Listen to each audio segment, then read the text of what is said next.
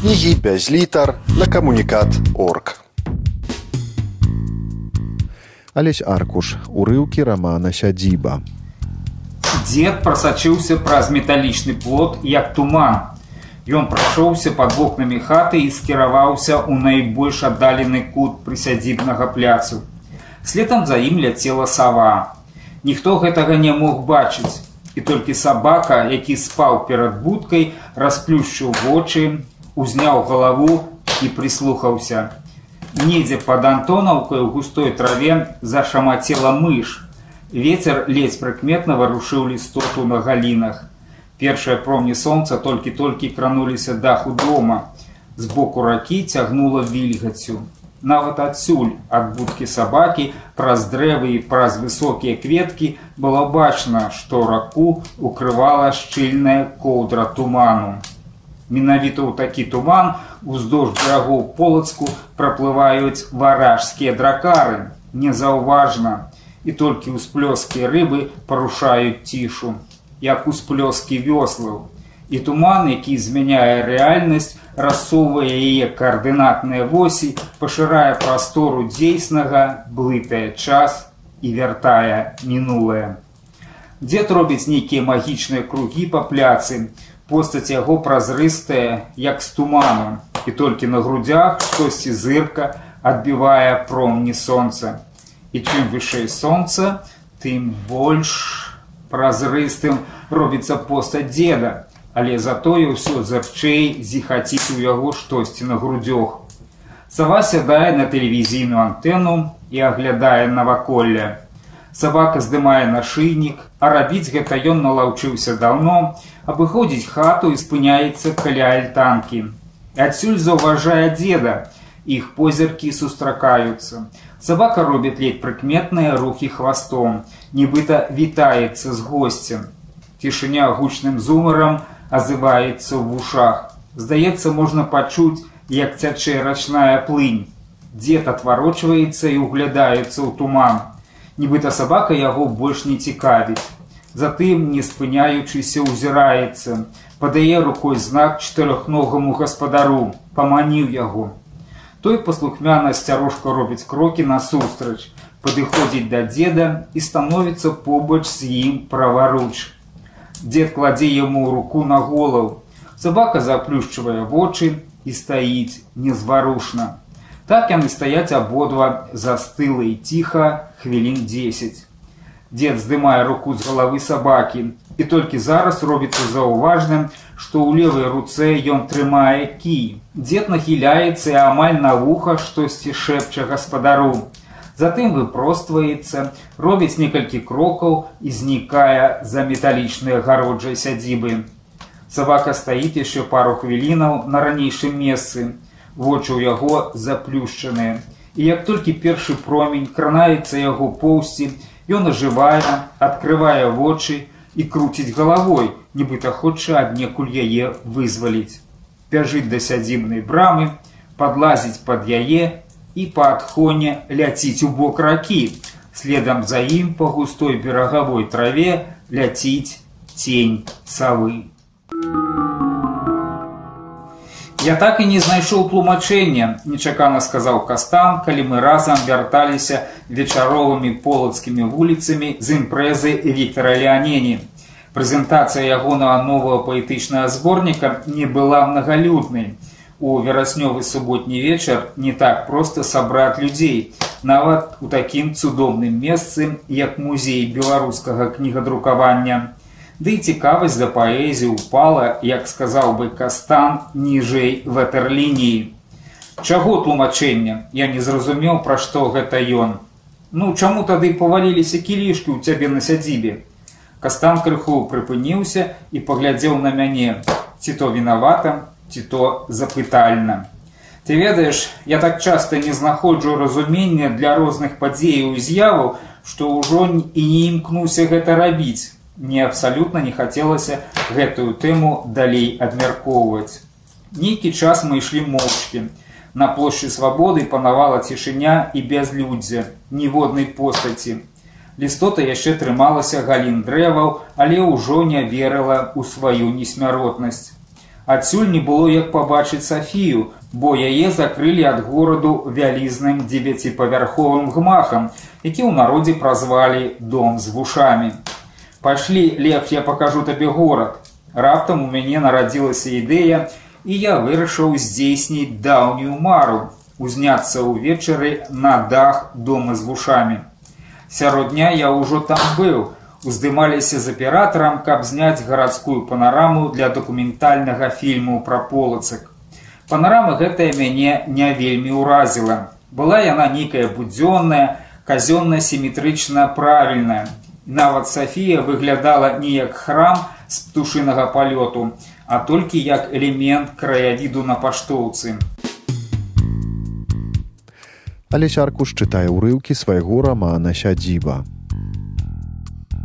І тады падумалася, а як все будзе выглядаць увечары, калі зрок пачне паглынаць горад, калі з таемных сховаў павылазяць гарадскія таямніцы, якім і сто і тысячу гадоў.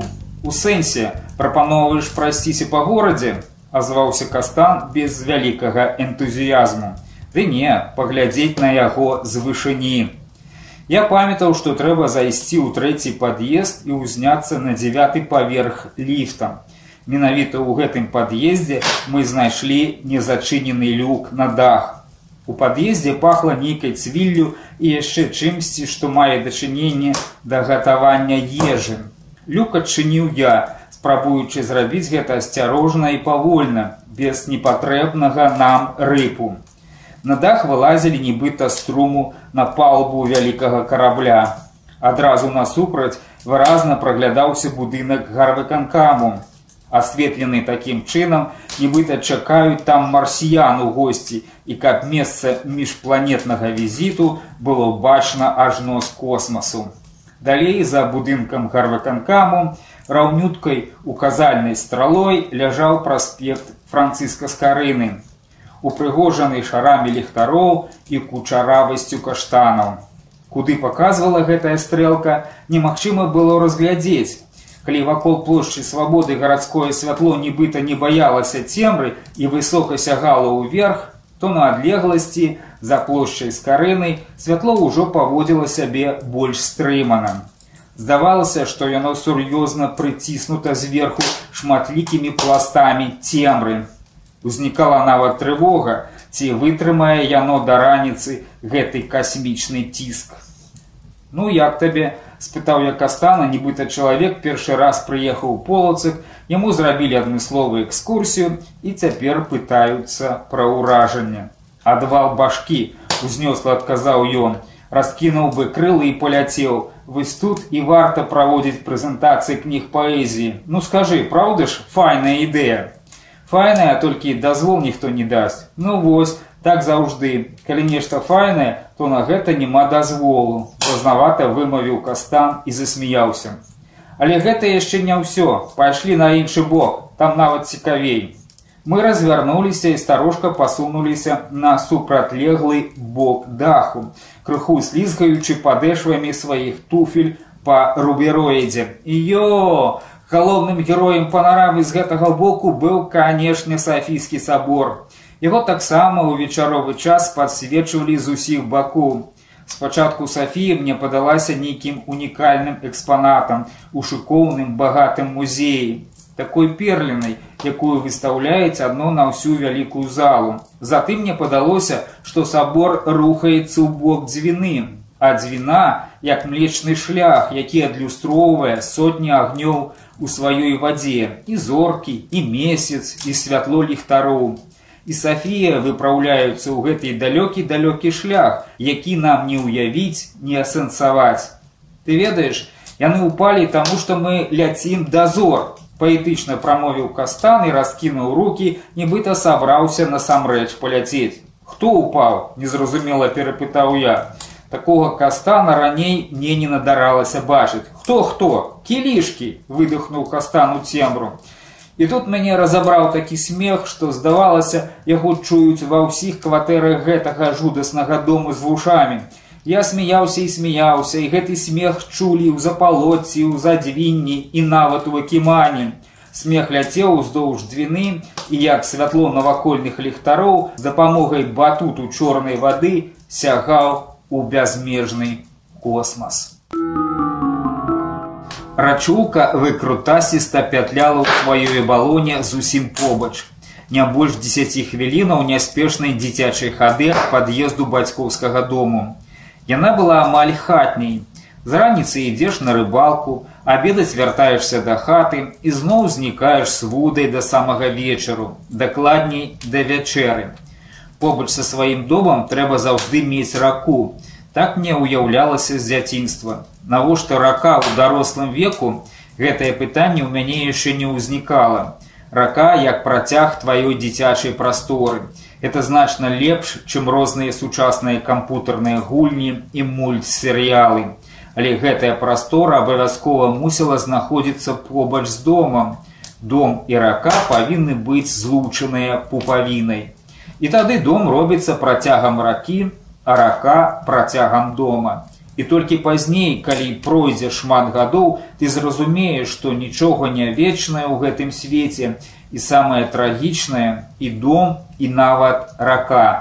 Не, рака так хутка не знікае, але робіцца іншай. І ты, наведаўшы пра шмат гадоў свае родныя мясціны, ледзь пазнаеш яе.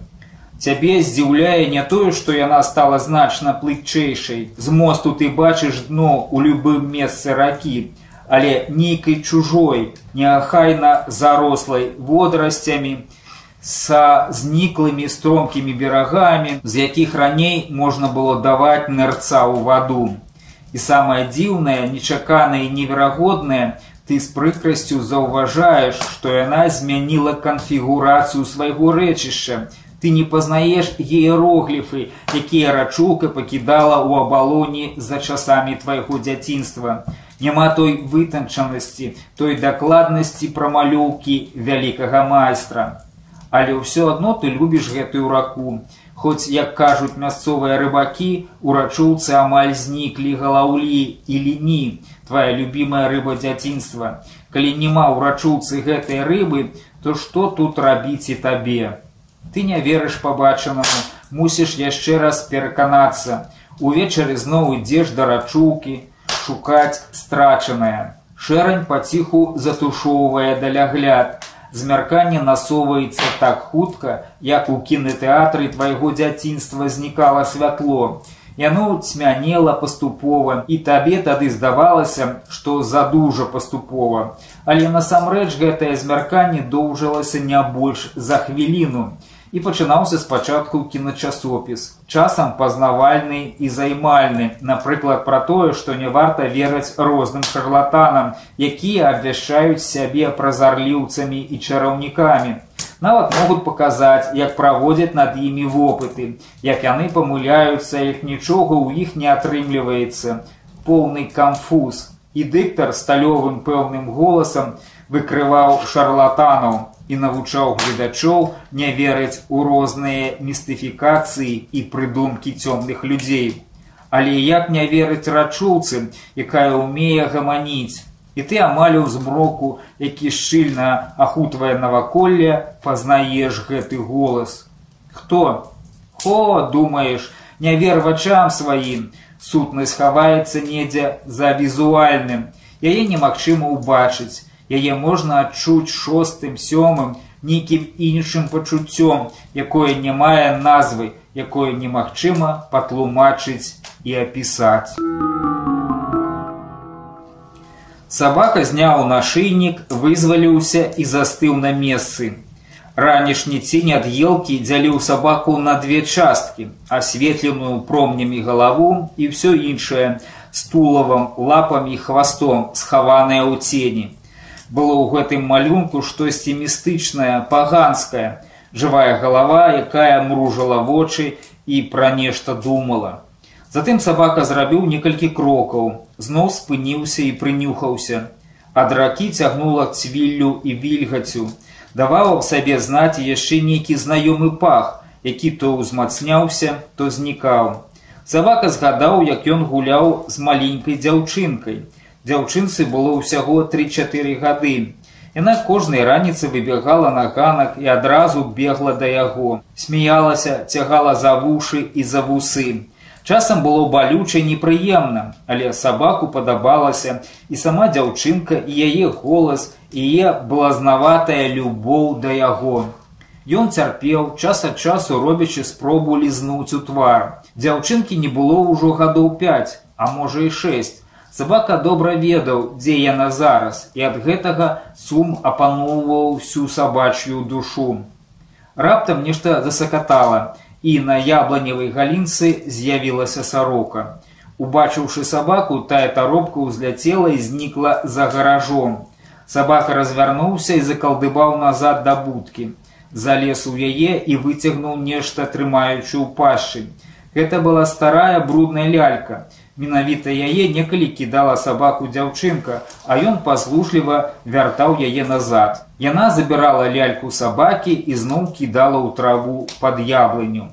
Так яны маглі гуляць з паўгадзіны, пакуль дзяўчынка не стамлялася, не сыходзіла ў хату, або яе клікала маці. Сабака паклаў ляльку ў траву і прынюхаўся. Затым крутнуўся, зноў падхапіў ляльку і пабег у бок альтанкі. Побач з ёй на сцежцы грэлася на ранішнім сонцы вялізная вужака. Сабака ведаў, што вужака жыла пад альтанкай. Ён не баяўся змяі, але нейкае глыбокае патаемнае пачуццё не дазваляла яму пераступіць халоднае доўгае цела. Вужака млява хіснула галавой, відаць, адчуўшы побач нейкі рух. Сабака сышоў са сцежкі і абмінуў змяю. Затым амаль паляцеў у самы аддалены прысядзібны кут. Менавіта тут ён апошні раз сустракаўся з дзедам, але нікога там не было. Сонца ўжо нагрэла зямлю і ад яе ішло прыемнае цяпло. Сабака спыніўся і пачаў углядацца ў бок ракі. Туман над вадой амаль развеяўся, і ўся рачная прастора добра праглядалася. Паглядзеўшы на раку, сабака паклаў ляльку на тое месца, дзе нядаўна стаяў дзед і лёг побач з ёй. Ён заплюшчыў вочы і нібыта заснуў. Два разы цела сабакі нервова торгалася, але вочы ён не расплюшчываў. Магчыма, яму штосьці снілася. Алесь Аркуш чытаў урыўкі свайго рамана сядзіба. Кнігі без літар на камунікат орг.